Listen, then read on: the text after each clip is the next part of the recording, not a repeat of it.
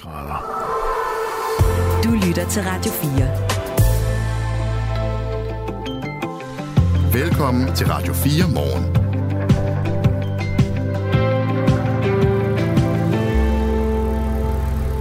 Det er et uhyggeligt overraskelsesangreb. Islamisterne i Hamas har indledt mod Israel med tusindvis af raketter og terror mod civile.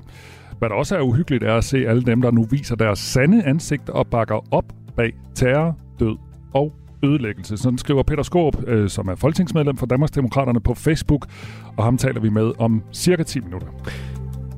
Der har været nogle ret øh, vilde demonstrationer nogle steder i Danmark. Jeg får lyst til at lige spille et klip. Vores øh, kollega Sara Birk Becker var en tur i det vestlige Aarhus i går og overvære en demonstration for den palæstinensiske sag og mødte blandt andet en kvinde, der brændte et stykke papir med det israelske flag. Hvorfor brænder du det israelske flag? Færdig Israel! Hvorfor brænder du Israels flag? Det er fordi, jeg ikke hvem, hvem laver den, men jeg kun øh, øh, Hmelter. Og så skete der det, at kvindens søn ledte hende væk fra vores reporter, og derfor var det ikke muligt at få svar på, hvorfor papiret med det israelske flag skulle brændes. Men det her gamle fjendskab, det er altså blusset op. Der var mange politikere, der tager afstand fra de demonstrationer, der finder sted pro-Palæstina. Øh, flere socialdemokrater var blandt andet ude og give den gas på Twitter, eller X, og kommentere forsamlinger. Øh, blandt andet skrev Bjørn Brandenborg, der er retsordfører hos Socialdemokraterne. Det er klamme billeder fra Nørrebro, efter at have set den der pro-palæstinensiske demonstration. Det er jo altså historien om det skæld, der var der i forvejen. Det er blevet endnu mere udtalt efter de uhyggelige begivenheder i weekenden, og den gisselsituation, der ikke er sluttet endnu. Det er noget af det, vi har på programmet her til morgen. Klokken den er 6 minutter over 8, og dine værter her til morgen er Kasper Harbo og Michael Robach. Godmorgen. Du lytter til Radio 4 morgen. Vores lytter Steve, han skrev noget til os for lidt siden. Han skrev, jeg hørte i går i udenlandske medier, at Ægyptens efterretningstjeneste har prøvet at advare Israel om, at noget stort var ved at ske. Men Israel tog det vist ikke alvorligt. Kan jeg ikke spørge klogt hoved, hvorfor de lod det ske, hvis de oplysninger er korrekte, skriver Steve.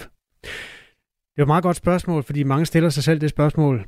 Hvorfor kan Israels efterretningstjeneste, der er jo herostratisk berømt for at øh, forhindre terrorangreb, ikke forhindre det, der skete i weekenden?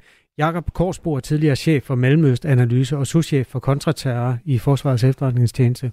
Godmorgen. Godmorgen, godmorgen. Og i dag øh, sikkerhedspolitisk øh, analytiker i Tænketanken Europa. Du har sikkert også hørt øh, nogle af de rygter, der bliver listet op her, øh, eller hvad? Øh, burde de have set det komme? Øh, ja, det burde de. Og ja, jeg har set, øh, hvad øh, Ægypterne har, har været ude og, og sige, eller nogle egyptiske kilder i hvert fald, har været ude at sige. Og altså et eller andet sted for mig lyder det plausibelt. Øh, jeg kan selvfølgelig ikke øh, sige, at det lige præcis er sådan, det hænger sammen. Men der er øh, på bundlinjen i hvert fald bare sket det er en historisk efterretningsmæssig, øh, et historisk efterretningsmæssigt svigt. Og, øh, og det, er jo, det er jo så det, israelerne på et eller andet tidspunkt når frem til at skulle undersøge, øh, hvad, hvad er det lige, der, der er sket her. Men meget tyder på, at, at det er den politiske prioritering af efterretningstjenesternes øh, arbejde, det er der, det er gået galt. Jakob Korsbo, du taler jo meget om Ukraine i medierne, men du er jo simpelthen øh, tidligere chef for Mellemøstanalyse og, og har sådan godt kendskab til de kræfter, der er på spil der, så det er jo en fornøjelse, du lige vil hjælpe os med det spørgsmål, Steve han stempler ind med der. Hvad, hvad er det for en type arbejde, den israelske efterretningstjeneste plejer at lykkes med? Når, altså det, der har jo aldrig været et israelsk fly, der er sprunget i luften, for eksempel. Hvad er det, de plejer at være gode til, og som de ikke har været gode til nu? Ja, det er jo min gamle hjemmebane, det her, øh, så jeg føler mig tryg. Godt at høre. øh, nej, øh, altså, jeg, jeg vil sige det sådan, de, de har jo nogle øh, helt øh, ekstraordinære kræfter øh, prioriteret til deres øh, sikkerheds- og efterretningstjenester i Israel. Øh, fordi øh, det har jo altid været et land, øh, et eller andet sted i krig, eller i hvert fald omsluttet af, af, af fjender, øh, og har kun haft få øh, fredsaftaler øh, med, øh, med nabolandene. Ikke? Øh, mm. De har øh, haft Hezbollah i nord, de har haft Syrien øh, i øh, nord, nordøst, øh, de har haft hele øh, Gaza-problematikken. Vestbreden. Nu har der jo mange år været en fredsaftale med Jordan. Og så har, har det altid været det her spøgelse i Iran, som jo, øh, hvor der ikke går en, en, øh, en uge øh, mellem fredagsbønden i, øh, i Teheran, hvor, hvor der ikke bliver opdaget, at Israel skal smides i havet. Så, så, så, så ja, øh, det, det er et land, hvor man bare har arbejdet efterretningsmæssigt og, og prioriteret det i, igennem alle, alle årene. Og, og det er også det, der gør, at for eksempel Mossad og, og Shin Bet, som er den interne sikkerhedstjeneste, er øh, meget kapable øh, tjenester. Angrebene skete jo altså her i weekenden, først med raketter og siden med til fods. Det israelske militær skriver på deres Facebook-side, at mindst 150 israelere holdt som gisler af Hamas inde i Gaza. Den mest kendte af Israels efterretningstjenester, det er den, der hedder Mossad. Det er Israels hemmelige udenrigs efterretningstjeneste. Øh, I forhold til Gaza, så er det muligvis øh, sikkerhedstjenesten, altså den, der hedder Shin Bet, der har ansvaret for, at det ikke lykkedes. Hvad, hvad var dine første tanker, da du hørte om det her angreb, der skete i weekenden? Øh, ja, altså det er ikke muligvis. Det er sin bet, der simpelthen har, øh, simpelthen har ansvaret for de palæstinensiske områder. Det er ikke Mossad. Det er i israelsk lov, så det, det er egentlig meget klart. Okay. Øh, øh, altså, øh, jamen det var det her med, at det er helt ekstraordinært, at det har kunne, øh, det har kunne finde sted. Øh, og når man ser på omfanget, det var det, der stod klart i løbet af, af lørdagen, øh, med de her... Øh, øh, alle de her måder, de er kommet ind i Israel på, hvor lang tid det lykkedes dem at, at, at operere inde i israelske byer øh, i, i den sydlige del af landet, og, og at de har kunne samle sammen til et, en missilbeskydning på, på er det 5-6.000 missiler, der, der regnede ned over Israel. Det siger de selv øh, i hvert fald. Øh, ja, altså det er jo ikke, det er jo ikke noget, som, øh, som Hamas har fundet på øh, hen over natten fredag, eller i løbet af fredagen, vel? Altså det har jo været øh, planlagt i, øh, igennem øh, flere måneder. Og, øh, og, og, og det er helt ekstraordinært, fordi når du arbejder efterretningsmæssigt, jo mere planlægning og jo mere kompleksitet, jo større øh, sandsynlighed er der for, at du kan, du kan øh, hvad kan man sige, få oplysninger og varsle om angrebet og imødegå øh, angrebet. Så at sådan noget her har kunne finde sted, det, det, er, helt, det er helt vildt.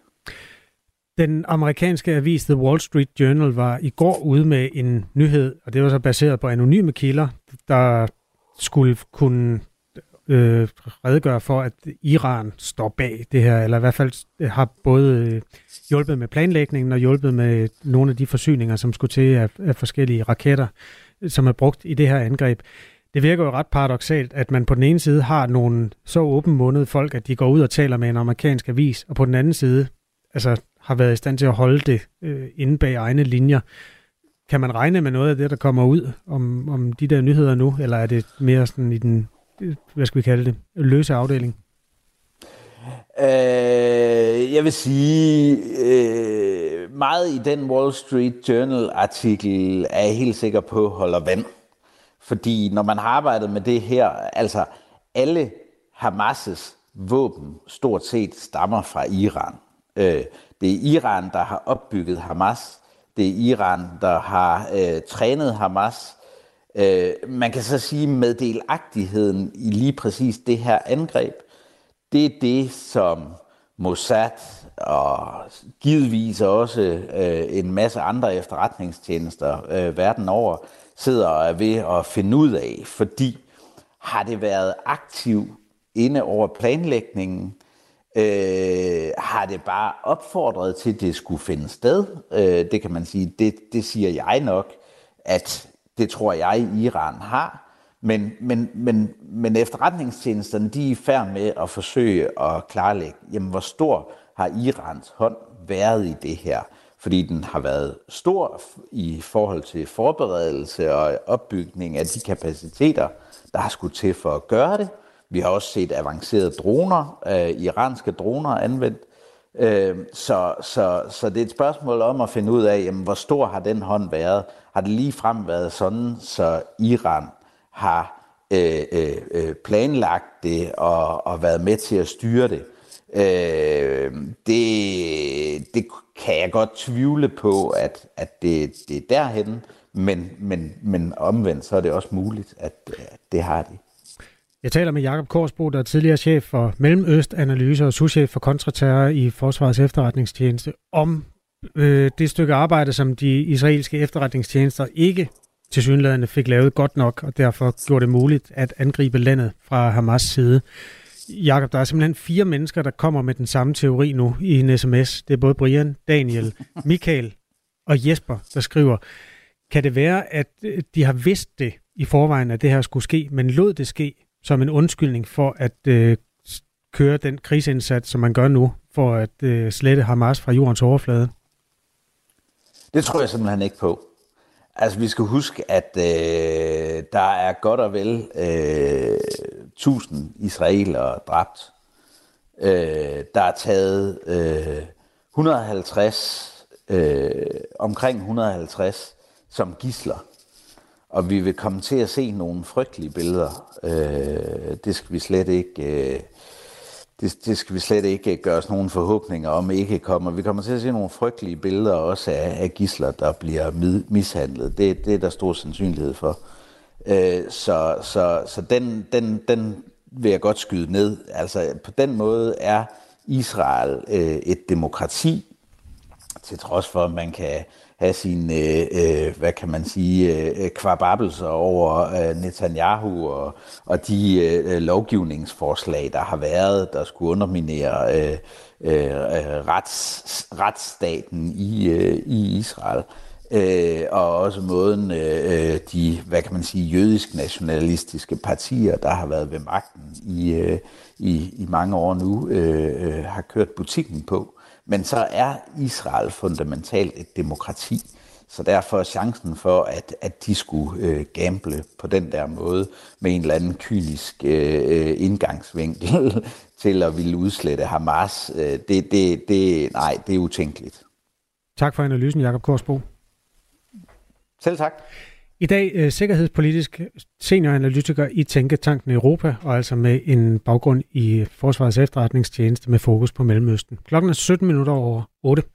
Og vi bliver ved emnet, for nu læser jeg noget op, som øh, folketingsmedlem for Danmarksdemokraterne Peter Skårup har skrevet på sin Facebook. Han skriver, det er et uhyggeligt overraskelsesangreb, islamisterne i Hamas har indledt mod Israel med tusindvis af raketter og terror mod civile.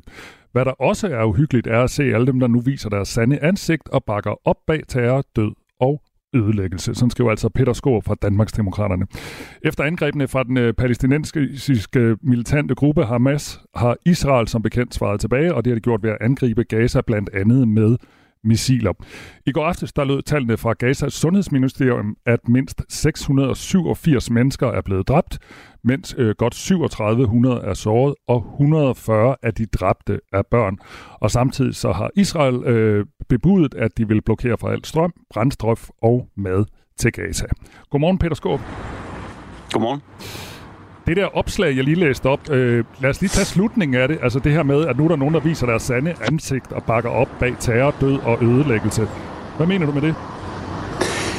Jamen, jeg mener, at der både blandt politikere på Christiansborg, men jo også øh, blandt borgerne på gaden, øh, synes at være en, en nærmest en jubelstemning, hos nogen i hvert fald, øh, i forhold til, at øh, det lykkedes Hamas at øh, angribe Israel og øh, Øh, som det ser ud i øjeblikket, øh, stå bag øh, drabet på over 1000 mennesker, både soldater og civile. Øh, det, er, det, det synes jeg, det vækker til eftertanke, og det er jo noget, vi også fra politisk hold har beskæftiget os med mange gange. Altså, at vi til Danmark har fået mennesker, der, der simpelthen øh, slet ikke bakker op bag de vestlige værdier. Det, det, det synes jeg, det er meget, meget kritisk. Men nogle af dem, øh, vi har også talt med nogle af dem, som øh, ligesom demonstrerer og har holdninger, som sådan er pro-palæstinensiske. De siger jo, jeg, får, jeg, jeg øh, billiger på ingen måde det, Hamas har gjort, men jeg vil gerne gøre opmærksom på den uretfærdighed, som jeg synes, altså dem vi har talt med, synes, at palæstinenserne har været ramt af i årtier. Det er jo sådan lidt en nuancering. Jamen det er klart, der, der er jo øh, heldigvis øh, tilladelse til, at vi kan demonstrere, hvis vi er utilfredse med noget, på, øh, der foregår på Christiansborg eller i vores samfund. Så kan vi samle os sammen og sige, det er vi ikke tilfredse med at lave en demonstration. Men derfra så til at juble og hylde øh, et angreb, hvor man øh, lader det gå så hårdt ud over civile, som der. Det, det, det er jo ren tortur, vi har set over de seneste dage, som øh, Hamas-soldater har begået mod civilbefolkningen. Det er der jo ikke nogen øh, mennesker, der kan have der kan have sympati for på nogen måde. Og den der jublen, det er den, jeg synes, den hæfter jeg mig rigtig meget ved. Og hører man overhovedet til i Danmark, hvis man øh, jubler over øh, død og ødelæggelse og umenneskelig behandling af andre mennesker. Nu rammer israelerne så også civile i Gaza. Det tror jeg ikke, der er nogen tvivl om, fordi de sender missiler ind over Gaza. Hvordan har du det så med det? Fordi der er jo også nogle civile, der bliver, altså, der bliver slået ihjel på den konto. Jamen, altså, krig er jo forfærdelig, og det er forfærdeligt, at, øh, at Israel nu må, må gå efter dem, der angreb øh, de terrorister, der angreb Israel og, og slagtede civile, som vi så det. Men på den anden side, hvad er alternativet? Altså, er, er, skal, vi bare, skal man bare lade det passere? Uh, Israel er jo en situation, hvor staten er, er, er meget tæt på udslettelse, hvis ikke man virkelig koncentrerer sig. Det er et meget, meget lille land uh, på størrelse med Jylland, og øh, man, er, man er livstruet. Og derfor er man selvfølgelig nødt til at forsvare sig og få fat i dem, der står bag den her udåd. Men kunne man forsvare sig, Peter Skorp, øh, på en måde, hvor det ikke går ud over civile? Nu, nu fortalte jeg det lige før, at der i hvert fald er 687 mennesker, der er blevet dræbt her, ikke 140 børn. Altså, kunne man forestille sig, at Israel øh, kunne hævne sig på Hamas, og ikke øh, hvor det rammer civile? Ja, man kan sige, det er jo en stor forskel fra, fra tidligere krige, hvor det er to fronter, der står mod hinanden, og man bruger militært udstyr mod hinanden. Her er der jo tale om en, hvad skal man sige, en partisankrig, hvor man også bruger mennesker som skjold. Det vil sige, det er næsten umuligt at få fat i de her terrorister, øh, med mindre at man bruger nogle metoder, hvor det også kan gå ud over civile. Så det, det, det synes jeg, man må have en forståelse for, at, at Åh, oh, der tror jeg, vi mistede øh, Peter Skåb. Vi kan lige ringe ham op på en almindelig telefonforbindelse. Han er ude i morgentrafikken, som mange mennesker er på det her tidspunkt. Det her det er jo altså en, øh, i den sidste ende også en historie om, hvad vi betragter som ulandshjælp, fordi det kan jo også godt være, at den peger hen for nogens øh, vedkommende. Det, det er jo i hvert fald det, der ligesom bliver, bliver talt om i, i de mere kritiske dele af det politiske landskab, at man skal stoppe øh, med at hjælpe i de områder. Det giver også genlyd nogle steder. Men, ah, okay, Undskyld, jeg taber opmærksomheden her, men jeg tror, vi har ham med igen. Ja, vi har så. Ja. ja, er du med, Peter? Nej, der, er noget cyberkrig i gang her, måske. Nej, altså. øh, godt, nu har vi dig med på telefon, Peter. Ja. Du, du faldt lige ud. Øh, men, men, men lad os lige øh, samle op der, hvor vi er snap. Øh, jeg taler altså med Peter Skov, som er gruppeformand for Danmarksdemokraterne, og vi taler om, øh, om øh, konflikten eller krigen, eller hvilke ord man nu skal bruge om det, der sker i Israel lige nu. Og vi snakker om det her med, at Israel jo også nu øh, sender missiler ind over øh, Gazastriben, og at øh, der jo også dør civile i den operation og så faldt du ud, da du svarede på det. Hvad, hvad tænker du om det? For det er vel heller ikke optimalt? Nej, det er det bestemt ikke. Øh, det, det er, krig er forfærdelig, og, øh, og det er bare sådan, i, i moderne krig, øh, i hvert fald visse steder, der bruger man mennesker som skjold. Det vil sige, man, man øh, som øh, terrorist skjuler sig inde i menneskemængden med henblik på at undgå, øh, at nogen kan angribe en, fordi det land eller, eller den her, der skal angribe, vil ikke gøre det på grund af, at der er civile med. Men der må man også sige her, at øh, nu vil Israel finde dem, der står bag udåden. Øh, og det kan man jo godt forstå. Øh, hvad er alternativet? Men for eksempel så er der lige kommet en, øh, en, en nyhed her til morgen, øh, fra, lige for et kvarter siden øh, på TV2, som øh, med, øh, med FN som kilde øh, siger, at der er 790 boliger, der er blevet jævnet med jorden i Gazastriben. Altså, det er jo, hvor mennesker bor. Er det ikke også problematisk? Og forhåbentlig er der nogle luftalarmer og advarsler. Det er jo det, vi har set også tv-billeder af, at man på forhånd øh, meddeler, at, at nu sker der den her sprængning, eller nu kommer der det her angreb med et, et form på varselsskud. Men det er da forfærdeligt. Krig er forfærdeligt. Og øh, ja, men jeg, jeg må også sige, at efter det, der er sket, så forstår jeg, at Israel går efter dem, der har øh, begået terrorangrebene og deres, øh, deres øh, tilhængere. Og nogle af de her Hamas-ledere bor jo lige præcis i Gazastriben, og og det ved man godt. Øh, men nu har der altså nogle konsekvenser for dem, at de bor der. Tidligere på morgen, der talte vi med Fatih El Abed, han er formand og talsmand for Dansk Palæstinensisk Venskabsforening, og han fordømmer øh, helt uden forbehold angrebene fra Hamas side, men han mener også, det er usmageligt, at Danmark nu støtter op om Israel. Prøv at høre, hvad han sagde. Vi prøver bare efter bedste evne at trænge igennem og fortælle om, at, at man simpelthen øh, øh, giver Israel altså uforbeholdende støtte. Det er fuldstændig vildt, at der er ingen kritiske stemmer nu om, at der er 140 børn, palæstinensiske børn, der blev dræbt indtil videre, øh, og, og tallene stiger altså bare stødt. Sådan sagde altså Fatih Alabet, som er formand for Dansk Palæstinensisk Venskabsforening. Hvad siger du til det, Peter øh, Skårup øh, fra Danmarksdemokraterne? Fordi der kan jo godt være en pointe i, at det er jo en ulykkelig situation, det her. Og nu er der nogle palæstinenser, som ikke billiger det, Hamas har gjort, men alligevel siger, jamen, Israel har også øh, i overvis behandlet palæstinenserne dårligt. Altså, er der slet ikke plads til den diskussion nu? Jeg tror, der er mindre plads til den diskussion nu efter de her barbariske handlinger. Altså, det er jo ren middelalder, det er primitive behandling af andre mennesker, civile, vel at mærke, som der er tale om. Kidnapning og mishandling, tortur. Øh, det, det vækker selvfølgelig afsky rundt omkring i verden, og derfor er der nok større opbakning øh, til, til Israel nu, end der har været længe. Og det er meget forståeligt. Øhm, og jeg tror på, at, at, øh, at Israel trods alt, som Jacob Korsbro var inde på, er demokrati. Og det vil sige, at der, der er kontrol, der er også parlamentarisk kontrol med, hvad der foregår. Og der er gennemsigtighed, der er en, der er en fri presse. Det er der jo ikke på den palæstinensiske side eller i Gaza. Der, der jubler man i øjeblikket, og det er jo også med, med et spillet. Der er jo ikke nogen, der træder frem og siger, at det er forfærdeligt det her. Nej, både Vestbreden, øh, øh, Vestbredens politikere og, øh, og Hamas jubler over angrebet på Israel. Mm. Der har været konflikt mellem Israel og Palæstina i årtier, og vi har fundet nogle tal fra FN for, hvor mange døde og sårede, der har været i konflikten fra 2008 til 2020, altså de seneste tal. Og der er 5.887 israelere enten blevet dræbt eller kommet til skade i den her konflikt. Har du egentlig nogen idé om, øh, Peter Skor, hvor mange palæstinenser, der i samme periode er kommet til skade? Jeg har ikke præcis tal, men det er garanteret mange flere, fordi Israel er jo den, den klart stærkeste militære magt. Mm, det er 120.000 palæstinenser, som enten er døde eller kommet til skade øh, i, i den her konflikt. Hvad tænker ja. du om de tal?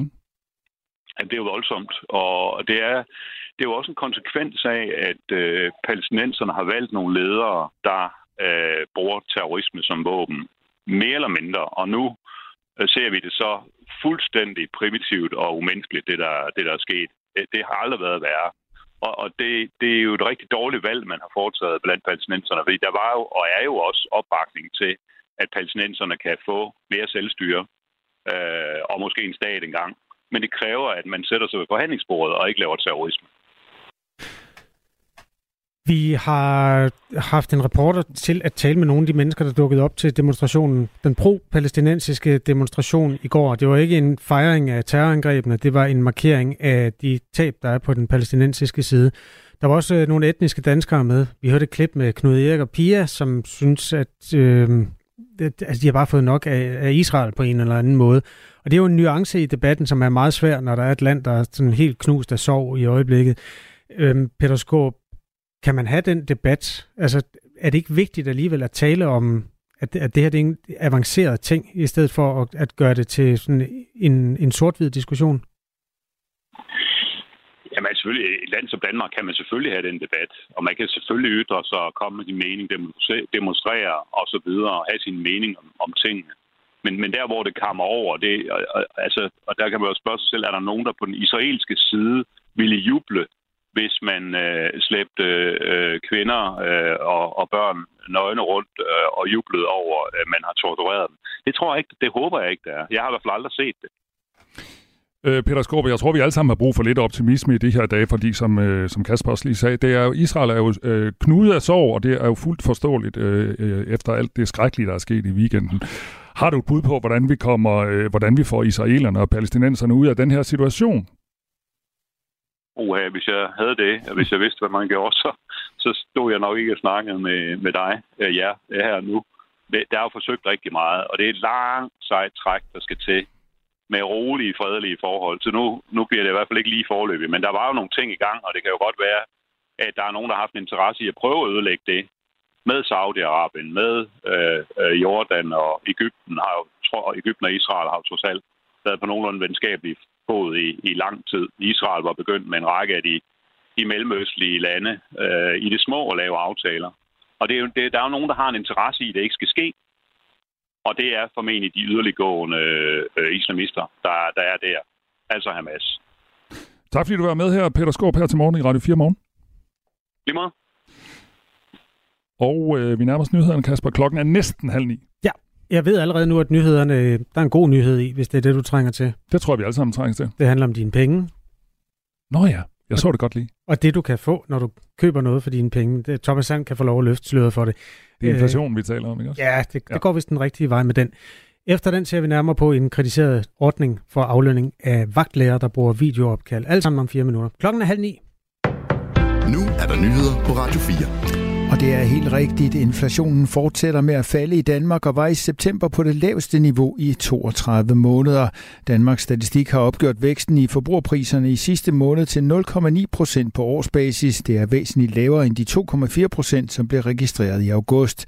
Det er hovedsageligt lavere energipriser, der er årsagen til, at det kun er blevet en lille smule dyrere at være forbruger, sammenlignet med, hvordan det var for et år siden. Den såkaldte kerneinflation, der ikke medregner energi- og råvarepriser, priser er opgjort til 3,7 procent mod 4,2 procent måneden for inden. Der er fundet omkring 1.500 dræbte Hamas-krigere i Israel, siden den militante organisation angreb Israel lørdag. Det oplyser en talsperson for Israels militær ifølge nyhedsbureauet AFP. Hamas' angreb, Hamas angreb Israel fra Gaza lørdag morgen, hvorfra bevægelsen ifølge Hamas selv sendte 5.000 raketter ind over Israel på 20 minutter. Ifølge Israel var der dog tale om halvt så mange raketter. Samtidig brød krigere fra Hamas gennem grænsehegnet og strømmede ind i Israel, hvor de blandt andet angreb en musikfestival nær grænsen og bortførte et ukendt antal festivalgæster.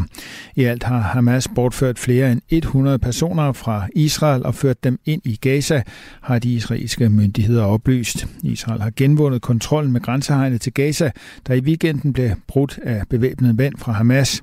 Det oplyser en talsperson for det israelske militær her til morgen. Teknologiforståelse og digital dannelse, de ord kan landets folkeskoleelever godt begynde at vende sig til i undervisningen, hvis det står til regeringen. For i det stort varslede folkeskoleudspil, som præsenteres i denne uge, har digitaliseringsminister Marie Bjerre sat sit aftryk. Eleverne skal være mere rustet til den digitale tid, vi lever i. Det gør vi, fordi det er vigtigt, at eleverne er mere rustet til den digitale tid, vi lever i, og vi bliver endnu mere digitale. Og derfor er det vigtigt, at børnene de får noget teknologiforståelse og noget digital dannelse, der kan styrke dem øh, og, og, og gribe de muligheder, der er med digitaliseringen, og også øh, imødegå de udfordringer og skydesider, der er ved digitaliseringen. Undervisningen skal give eleverne lyst til at uddanne sig inden for digitalisering, teknologi og IT, lyder det videre. De nærmere detaljer om, hvordan teknologiforståelse og digital dannelse bliver en del af skoleskemaet, vil blive præsenteret senere. Men Marie Bjerre fortæller, at det både skal handle om at forstå og anvende teknologien. Det er vigtigt, at vi øger børnenes øh, teknologiforståelse. Øh, og det kan eksempelvis være, at man bruger det i dansk og samfundsfag for at lære om, hvordan sociale medier hvad det betyder for, for samfundet, for demokratiet, for kulturen, og hvordan man, øh, også hvordan man så bruger digitale værktøjer og databaser i selve undervisningen. For ministeren er det vigtigt, at eleverne lærer at gebærde sig i den virtuelle verden med samme regler og normer som i den virkelige verden, lyder det. Myanmars militærjunta er ansvarlig for et angreb på en flygtningelejr i landet, hvor mindst 28 har mistet livet. Det siger en talsperson for den civile skyggeregering i Myanmar til nyhedsbureauet Reuters. Militærrådets handling er en krigsforbrydelse og en forbrydelse mod menneskeheden. Det internationale samfund må skride til handling, siger han. Militærjuntaen i Myanmar er ikke umiddelbart vendt tilbage på en henvendelse fra Reuters. Udviklingen i Myanmar har været kaotisk siden militæret tog magten i februar 2021. Mere end en million er blevet fordrevet internt i landet som følge af uroligheder og kampe efter kuppet ifølge FN. Først tørt og stedvis lidt sol, ellers bliver det overskyet, og der kommer en overgang regn vestfra. Temperaturerne stiger i dag op til mellem 13 og 17 grader. Det her er Radio 4 morgen. Hold da ferie, det er jo en god nyhed. 0,9 procent i inflation. Det svarer næsten til, at du kan få det samme for dine penge, som du kunne for et år siden. Det er den, øh, laveste, øh, den er på det laveste niveau i 32 måneder, inflationen. Ja, Og tak. vi trængte til en god nyhed, gjorde vi ikke det? Er du da øh, så færdig? Det var lige, hvad vi gjorde. Vi prøver at finde et menneske, der kan uddybe, hvad det betyder for mig og dig, der hører radio. At øh, pengene rækker lidt længere, og måske, altså det er også tit, der er nogle forbehold i det der. Så er det, Mm. fordi olieprisen har lavet et eller andet rejehop, som gør, at øh, i virkeligheden, så gemmer der sig noget helt andet bag. Men vi prøver at finde et menneske, der vil hjælpe os med at analysere den øh, inflation, der altså er den laveste i 32 måneder. Tillykke alle sammen. Og tillykke til os alle sammen, selvfølgelig. Ja, Vi og så er der den dårlige nyhed, det er jo altså Israel, det vender vi tilbage til her i Radio 4 morgen. Og ja, så plus det løs. Vi har jo 25 minutter at gøre med. Et- Noget af det tager form mellem hænderne på os, mens vi sender. Og du kan skrive til os på nummeret. 1424, og din værter her til morgen er Kasper Harbo og Michael Robach. Godmorgen. Godmorgen. Du lytter til Radio 4 morgen. Vagtlæger tjener store ekstra beløb på at få deres patienter til at bruge videokonsultation. Ofte er det jo fagligt begrundet. Det er simpelthen fordi, at det menneske, der ringer ind til vagtlægen, har nogle ydre symptomer, som lægen kan se ved hjælp af kameraet i patientens telefon. Men det er også en ordning, der indbringer rigtig mange penge i særligt tre regioner. Det er regionen Nordjylland, Syddanmark og Midtjylland. Der er nemlig sådan en aftale om, at det honorar, som vagtlægerne får for en videokonsultation, det stiger øh, væsentligt, hvis lægen udelukkende, eller undskyld, det stiger væsentligt, hvis lægen gør brug af videodelen også, og altså ikke bare taler i telefon med patienten om deres symptomer. En enkelt læge er oppe at tjene 2,4 millioner alene på videodelen, målt på en periode over halvandet år. Mette Thiesen er sundhedsordfører for Dansk Folkeparti. Godmorgen. Godmorgen.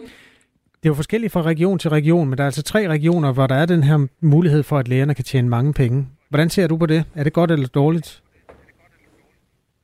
Jamen altså helt grundlæggende set, så er der jo to spor i, i den her problematik. Øh, nummer et, så synes jeg, at det er meget underligt, at man har så stor en overbetaling øh, for noget, som øh, de facto er det samme som et øh, almindeligt telefonopkald, bare med billede på.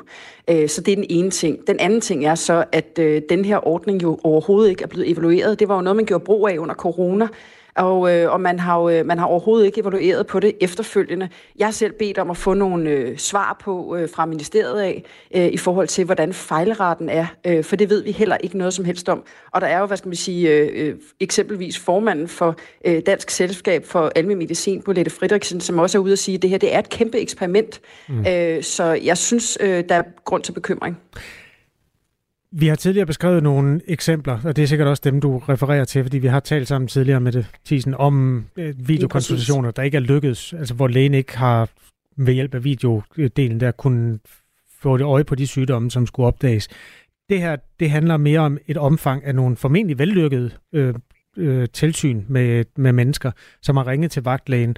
Og så den her videodel, den er så ligesom blevet lagt oven i den samtale, de i forvejen havde ved lægen. Så der er ikke nogen grund til at tro, at de har fået dårligere behandling.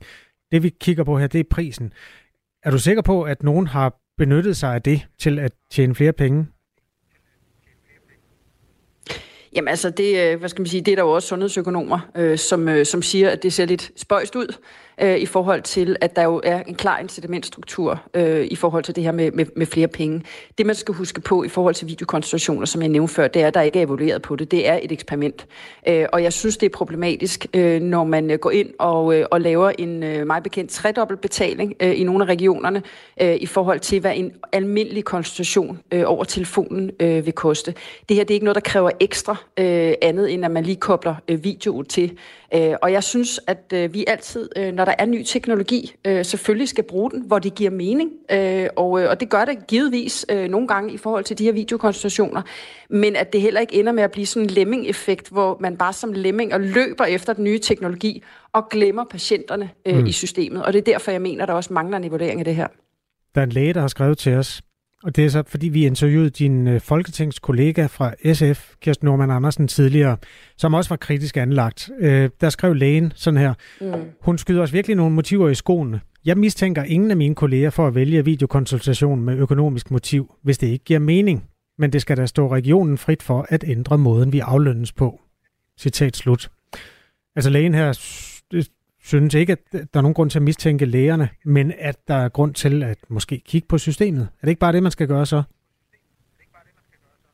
Jo, meget gerne. Altså, øh, jeg mener jo også grundlæggende set, at det her bør bero på en faglig vurdering fra den enkelte læge. Jeg siger bare, at der er en incitamentstruktur lige nu, hvor man overbetaler øh, for noget, som ikke, øh, hvad skal man sige, øh, koster noget mere, kan man sige, fra lægens side, end et almindeligt telefonopkald.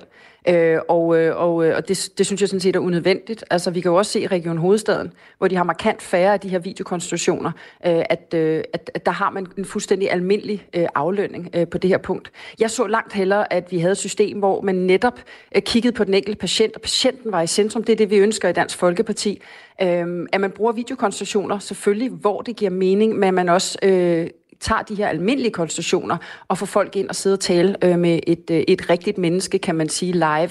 Øh, så, øh, så, så hvad skal man sige, jeg synes, der er nogle incitamentstrukturer og, og den her lemming-effekt, som jeg nævnte tidligere også, som er problematisk. Øh, og det virker som om nogle gange, at man øh, netop øh, kaster sig efter ny teknologi, uden overhovedet at tænke over, om det også er det bedste for alle patienter, øh, og, øh, og, og ser det som et kæmpe effektiviseringspotentiale, øh, måske også et spareforslag på nogle områder, øh, i stedet for at kigge på, om det egentlig gavner alle patienter. Eller et kvalitetsløft, for det er jo lagt oven på det sundhedssystem, der eksisterede i forvejen. Det er det i hvert fald mange steder. Er der ikke nogen gode ting at sige om det også, hvis vi lige skal gøre den del færdig? Jo, det er der bestemt, øh, og jeg har da selv haft gavn af det også. Jeg har også børn, mm. øh, så hvad hedder det så? Og det giver sikkert også rigtig god mening nogle steder, hvor der er nogen, der bor for eksempel langt fra lægen og så videre, at det kan give en tryghed, at man kan have de her videokonsultationer. Så det er derfor, jeg siger, at det er vigtigt, det beror på en individuel øh, vurdering. Vi har bare også set nogle rigtig, rigtig øh, skidte tilfælde, øh, hvor man tydeligvis ikke har formået at bruge det her efter bedste evne, øh, og hvor der er nogle mennesker, der er kommet rigtig, rigtig galt afsted. Øh, og det skaber jo en mistillid i systemet, og det er derfor, jeg siger, at det er så ekstremt vigtigt, at vi får evalueret på det her, at man ikke bare kaster sig efter ny teknologi, men lige holder hesten et øjeblik, bremser op og siger, lad os nu evaluere, hvor er det, det giver mening. Øh, og så synes jeg sådan set også, at der skal kigges på aflønningen, fordi om du sidder og taler med en læge i telefonen, eller om du sidder over et videoopkald, øh, det er ikke noget, der koster ekstra øh, for lægen, kan man sige. Øh, der, hvor det koster ekstra, det er eksempelvis, hvor lægen kører ud øh, til patienten rent fysisk, øh, og der giver det mening at, øh, at betale ekstra. Men det andet her, det synes jeg skaber en, øh, en unødvendig incitamentstruktur til at køre på med flere videokonstruktioner, hvor det ikke nødvendigvis øh, er det rigtige løsning. Et af de øjnefaldende eksempler kommer fra regionen Nordjylland, hvor en enkelt vagtlæge har tjent 2,4 millioner kroner på halvandet år alene på videodelen. Oven i det kommer så det normale honorar, som hører sig til, når man er vagtlæge. Et øh, opkald, og det er sådan nogle tal, der er meget bevægelige i de her, men som udgangspunkt får man cirka 75 kroner for den telefonkonsultation. Hvis der så kommer et videokald oveni, så øh, bliver prisen, øh, ja, så bliver det lagt godt og vel 200, mellem 200 og 300 kroner oven i prisen. Det er altså den aflønning, lægen får for at bruge det her værktøj.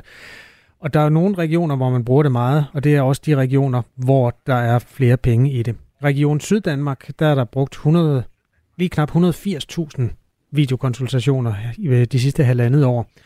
I Region Hovedstaden, hvor der bor væsentligt flere mennesker, der er det samme tilsvarende tal, 76.000. Altså sagt på en anden måde, det er næsten to og en halv gang så meget brug af video i Syddanmark, som det er i hovedstaden. Og i hovedstaden, der har man altså en en flad struktur i, i pengene. Der får man ikke flere penge, hvis man bruger mere video. Så det er i hvert fald det, der øh, har fået nogen til at hæve øjenbrynene på de her afregninger. Det er en akkordløn, som man bruger i tre regioner, som sagt, Mette Thiesen. Skal den afskaffes? Altså, øh, jeg synes i hvert fald, at den skaber en meget, meget uheldig incitamentstruktur. Øh, og, og, og hvad skal man sige, regionerne er jo selvfølgelig forskellige. Der vil også være nogle regioner, hvor der er længere, kan man sige, til den nærmeste læge osv., så derfor giver det måske med mening i forhold til de her videokonstruktioner. Men jeg synes ikke, der er nogen grund til at presse en teknologi øh, på den måde øh, ind øh, også for at få, hvad skal man sige, nogle, nogle andre effektiviseringspotentialer. Jeg synes, øh, teknologi skal bruges der, hvor det giver mening, og det skal altid være for at gavne den enkelte patient, og jeg kan godt være meget bekymret, når man skaber en incitamentstruktur som det her, øh, i forhold til, at, øh, at det måske bliver øh, lettere, det er også det, vi hører sundhedsøkonomer sige, at det måske skaber en struktur, som gør, at man i højere grad bruger videokonstruktioner, også i tilfælde, hvor det ikke nødvendigvis vil være den rigtige løsning, øh, og nogle af de eksempler, I selv har bragt, viser jo klart og tydeligt, tydeligt, at øh, det her med eksempelvis at skulle se på farve øh, i øjnene, eksempelvis på et barn, mm. øh, jamen der er video øh, rigtig dårlig, fordi man jo ikke kan se farver ordentligt. Øh, så det skaber nogle rigtig, rigtig øh, kedelige, synes jeg, incitamentstrukturer, hvis ja. man øh, presser den her teknologi igennem, som man gør i nogle regioner. Øh, om det bliver presset ind eller ej, det er jo så spørgsmålet, men der er i hvert fald nogle læger, der er meget glade for at øh, bruge den, og det er jo altså også noget, der bliver brugt til at helbrede mennesker rundt omkring i landet. Det skal vi lige understrege. Men det er øh, et kig på den øh, politiske side af sagen, vi har fået her med hjælp fra Mette Thiesen, sundhedsordfører for Dansk Folkeparti. Tak skal du have. Selv tak. Vi følger os selvfølgelig op på, øh, hvad der sker nu i, i den her sag, for det kan jo kun interessere politikere i hele Folketinget, at øh, de penge, som regionerne har at lave sundhed for, de bliver brugt allermest hensigtsmæssigt. Klokken er kvart i ni. Du lytter til Radio 4. Vi har gennem morgen dækket det, der på øh, tragisk vis og sørgelig vis øh, sker i Israel i de her dage. Over 800 israelere er meldt dræbt af Hamas, øh, rapporteres det fra Israel, og øh, fra Gaza rapporteres det, at omkring 680 palæstinenser er døde. Og så har de israelske myndigheder i øvrigt her til morgen meldt om, at de har fundet, og det skal man måske tage i anførselstegn, 1500 dræbte Hamas-krigere øh, i Israel. Det er altså virkelig sørgelige og triste dage i den her konflikt og krig mellem Israel og Palæstina. Fatih El Abed er formand og øh, talsmand for Dansk Palæstinensisk Venskabsforening, øh, forening, og han mener, at der lige nu er en skævvridning i, hvem der bliver fokuseret på i de her drabstal. Hele den skævvridning, og det meget fokus på kun det israelske beklagelige tab, også af civile øh, øh, øh israelere, øh, er så meget fokus på, og vi prøver bare efter bedste evne at trænge igennem og fortælle om, at, øh, at man simpelthen øh, øh, giver Israel altså uforbeholdende støtte øh, og Netanyahus øh, øh fri, Netanyahu fri hænder til, til det, der foregår nu. Det er fuldstændig vildt.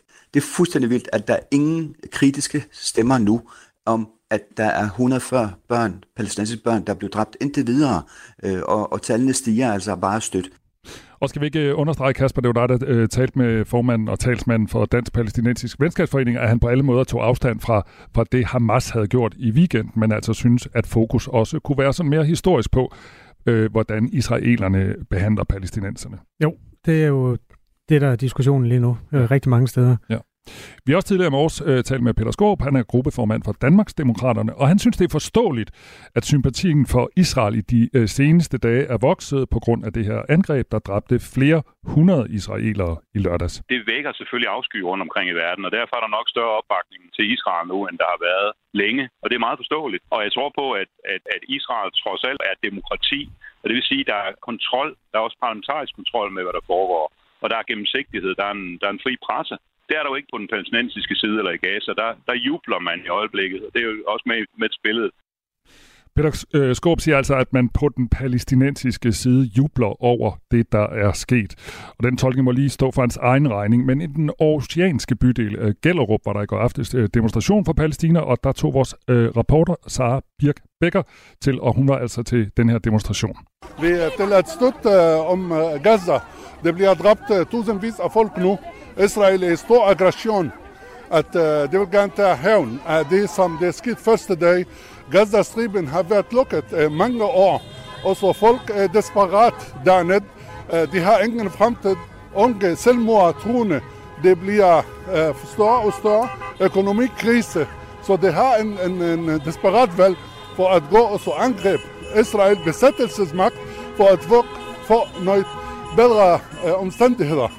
Har vi hørt her, han hedder Simon El Zainab. Han stod bag den her demonstration i Aarhus. Vores reporter talte også med en, der hedder Tolga. Han fortalte, at selvom han ikke selv er palæstinenser, så er han også til, gået til demonstration for at vise sin støtte til Palæstina. Det har meget med vores religion at gøre. For eksempel Gaza. Det er et helligt sted for alle muslimer. Det er derfor, jeg er her. Så derfor så støtter I op om Palæstina i dag? Ja, men at, hvis du kan høre, så siger det alt som Gaza. Det er, det er det, hvad hedder det, det er, hvad fanden hedder det nu? Det er det, hvad hedder det, mand? Det er det muslimske sted, som er rigtig vigtigt for alle muslimer. Nå, det er den hellige land. Hel, det er den er land, der er hellig. hellig by. Hellig by. Ja, Jerusalem. Hvad, hvad, altså, hvad, hvad tænker du om, at vores statsminister står bag Israel og siger, at Danmark står bag Israel? Jeg synes, det er rigtig svineri. Alvorlig svineri. Fordi at når de lukker... I årvis har de dræbt øh, palæstinenser. Men lige når der er 200 israeler, der dør, så synes jeg, at de lige pludselig åbner øjnene for israeler. Det synes jeg er rigtig respektløst. Men der er jo tab på begge sider. Ja, ja, selvfølgelig. Altså, det er også synd for de uskyldige for Israel, der dør. De er uskyldige selvfølgelig. Men øh, Men jeg synes, at de lukker meget øjne for de skyldige palæstinenser der. Flere politikere var i Blækhuset allerede oven på weekendens mange pro-israelske demonstrationer. For eksempel skrev Pia... Pa- palæstinensiske, ikke også? Nå ja, undskyld, ja. ja. Øh, det er det, jeg vil sige. Det her det var altså en pro-palæstinensisk demonstration, og sådan nogen fandt der allerede sted øh, søndag på den røde plads på Nørrebro. Og øh, de fandt jo vej til de sociale medier. Blandt andet skrev Rasmus Stoklund, der er politisk ordfører for Socialdemokratiet. Det minder mig om dengang hundredvis af mennesker strømmede til begravelse for terroristen Omar, der stod bag terrorangrebene i København. Hans øh, partifælle Bjørn Brandenborg, altså Socialdemokratiets retsordfører, skrev også, efter at have set den her demonstration, klamme billeder fra Nørrebro i dag. Og øh, ja, Pia Kærsgaard var der også, øh, altså ikke til demonstration, men på Twitter, hun skrev, modbydeligt, at så mange møder op på den røde plads for at støtte Hamas og terror. Og det spændende spørgsmål er jo, om det er det, man gør, når man stiller sig op og, og markerer sin sorg over øh, de civile tab på den palæstinensiske side. Ja, det er jo det, vi sådan øh, flere gange har diskuteret her til morgen. Altså kan man i den her situation, hvor Hamas har slået masser af civile israelere ihjel, kan man så gå ud? Er det passende at gå ud og demonstrere for Palæstina? Det har vi jo talt om flere gange her til morgen. Ja. Lad os vende tilbage til den her demonstration, fordi der var flere af de fremmødte, der selvfølgelig havde palæstinensiske flag med, og mange biler var også dekoreret med flaget. Og så var der en enkelt kvinde, øh, der brændte et stykke papir af, hvor det, var, øh, hvor det israelske flag var tegnet øh, på, på det her stykke papir, og det brændte hun altså af til den her demonstration i Gellerup ved Aarhus i går. Hvorfor brænder du det israelske flag? Hvad er Israel? Hvorfor brænder du Israels flag? Det ved jeg ikke, hvem, hvem laver den, men jeg kun øh, øh, Og det man måske ikke kunne høre her, men det som vores øh, kollega Sara kunne se, det var, at øh, kvindens søn ledte hende væk fra vores øh, journalister, altså Sara øh, øh, Becker, og der var dermed ikke mulighed for at få svar på, hvorfor papiret med det israelske flag skulle brændes ned, mere end det vi lige hørte her. Og TV2 har også beskrevet, at flere demonstranter brændte det israelske flag af. Ved den her demonstration for Palæstina i Aarhus bydelen Gellerup, der mødte vores reporter også Pia og Knud Erik, der var i øh, Palæstina og Israel i 2015. Og så hvor gralt det stod til med apartheid, og blev meget forarvet over forholdene. Og øh, vi tager jo ikke stilling til det enkelte menneske, en israeler, en palæstinenser. Vi ved bare, hvordan palæstinenserne er blevet mishandlet i overvis. Det er jo ganske horribelt. Og jeg synes bare, at danskerne langt hen ad vejen bliver ført bag lyset. Fordi man får TV2 for eksempel, de udlægger det fra den vestlige verdens synspunkt, og det er de her stakkels israeler. Og de er jo også stakkels israeler, fordi de er havnet i en situation, der ikke er til at overskue. Forventer I af at være med? Jeg aner det ikke. Jeg har aldrig været til en demonstration før nogensinde i mit liv. Så hvorfor lige starte med en Palæstina-demonstration i Gellerup? Ja, det var også lidt mærkeligt, men det var Gellerup Kirke, der arrangerede den tur til Israel-Palæstina, da vi var med dernede. Og det var da godt nok en øjenåbner. Ja, det var simpelthen nogle skidrikker i israelere dengang. Det, det kunne vi jo se med egne øjne. Sådan lød det altså fra Pia og Knud Erik, der i går aftes var mødt op til den her demonstration i Aarhus bydelen Gellerup sammen med 300-400 andre mænd, kvinder og børn. Og det var vores øh, kollega, reporter Sara Birk Becker, der havde været til demonstrationen, hvor vi altså så situationen fra palæstinensisk side. Klokken den er nu den 7 minutter i, i 9. Radio 4. Ikke så forudsigeligt. Inflationen fortsætter med at falde i Danmark, og tallene kommer jo hver måned den 10. De nye tal viser, at inflationen i den forgangne september var på det laveste niveau i mere end to og et halvt år. Inflationen var på 0,9 procent i september. Det betyder, at hvis du det du kunne få for 100 kroner for et år siden, er næsten det samme, som du kan få for 100 kroner nu. Det er jo altså nye tider øh, på det felt.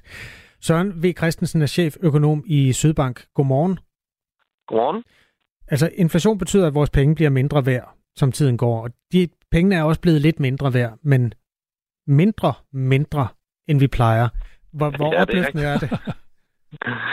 Det er rigtig opløftende. Altså, det er, det er rigtig positivt tal, vi ser her, at, og, og inflationen nu er, er så lav. Altså, nu er den jo nu nede, hvor man egentlig altså, gerne vil have den, eller faktisk lidt lavere, end man gerne vil have den. Så, så, så det er sådan set det er rigtig godt nyt. Øh, og, og det er det især fordi, at det her meget, meget store fald, vi har set i inflationen over det seneste år, øh, det er kommet uden, at økonomien ligesom er, er faldet helt sammen. Øh, det, det ser vi nemlig tit, når man sådan rigtig skal knække inflationen, så ender man med at knække hele økonomien også. Og det er i hvert fald ikke set indtil videre, og det er egentlig det, jeg synes, der er det, det allerbedste ved de her tal.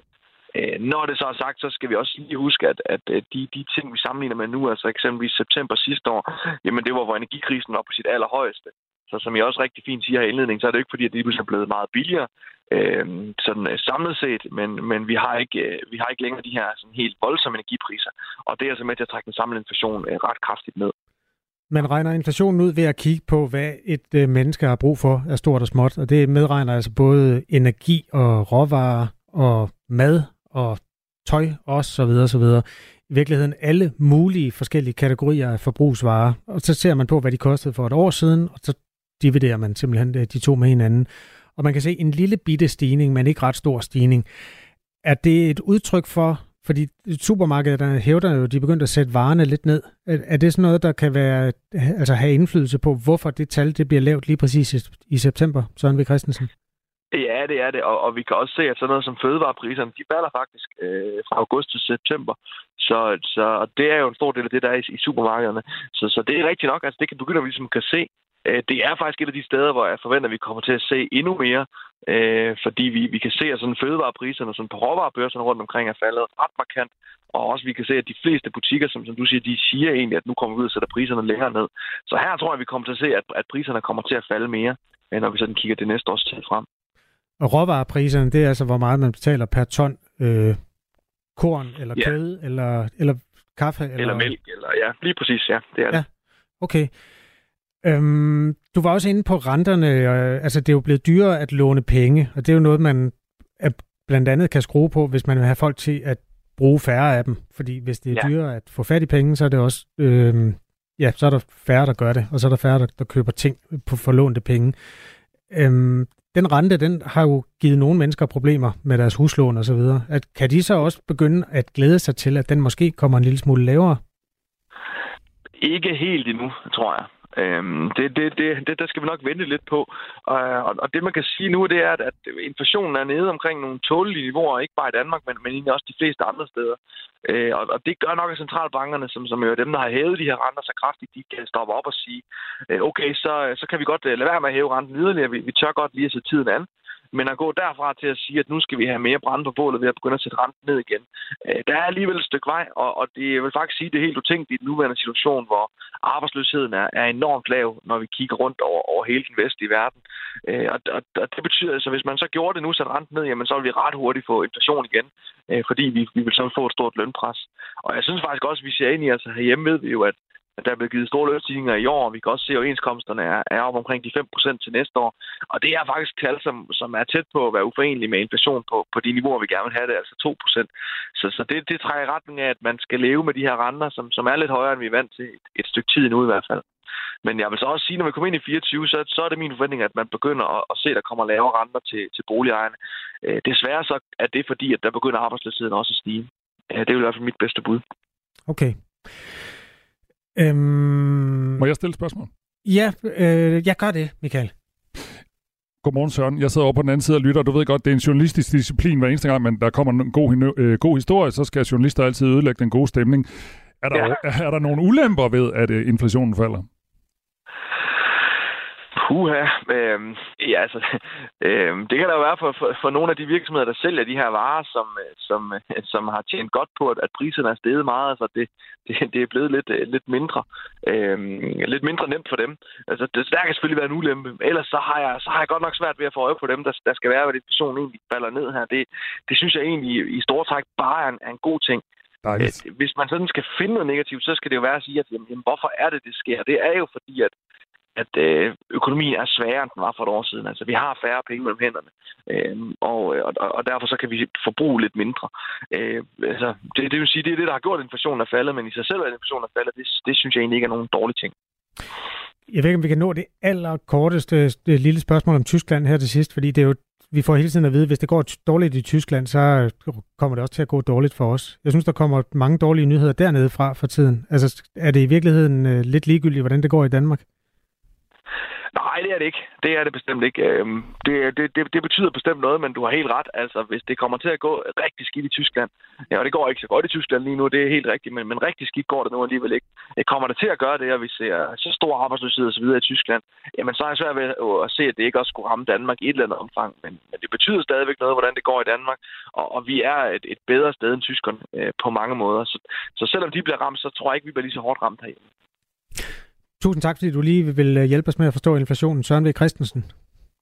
Jamen, tak for det. Cheføkonom i Sydbank. Og den gode nyhed er altså, at inflationen er nede på 0,9 procent i den forgangne september. Har du nogensinde sagt til en kvinde, Gud, tillykke med graviditeten? Ja, det tror jeg da, jeg har. Og hun ikke var gravid? Åh, oh, nå, den der, ja, det har jeg faktisk også. Har du prøvet det? Ja. Er det ikke noget med, det gør man kun én gang? Jo, det gør man kun én gang. Men det var, fordi hun havde født, og så nogle gange, at man stadig er lidt lidt stor bagefter. Så det, den kunne reddes, men det var med nød og næppe. Grunden til, at jeg nævner det her, det er, fordi det er emnet i Ring til Radio 4 lige om 5 minutter. Nu er der nyheder. Du har lyttet til en podcast fra Radio 4. Find flere episoder i vores app, eller der, hvor du lytter til podcast. Radio 4. Ikke så forudsigeligt.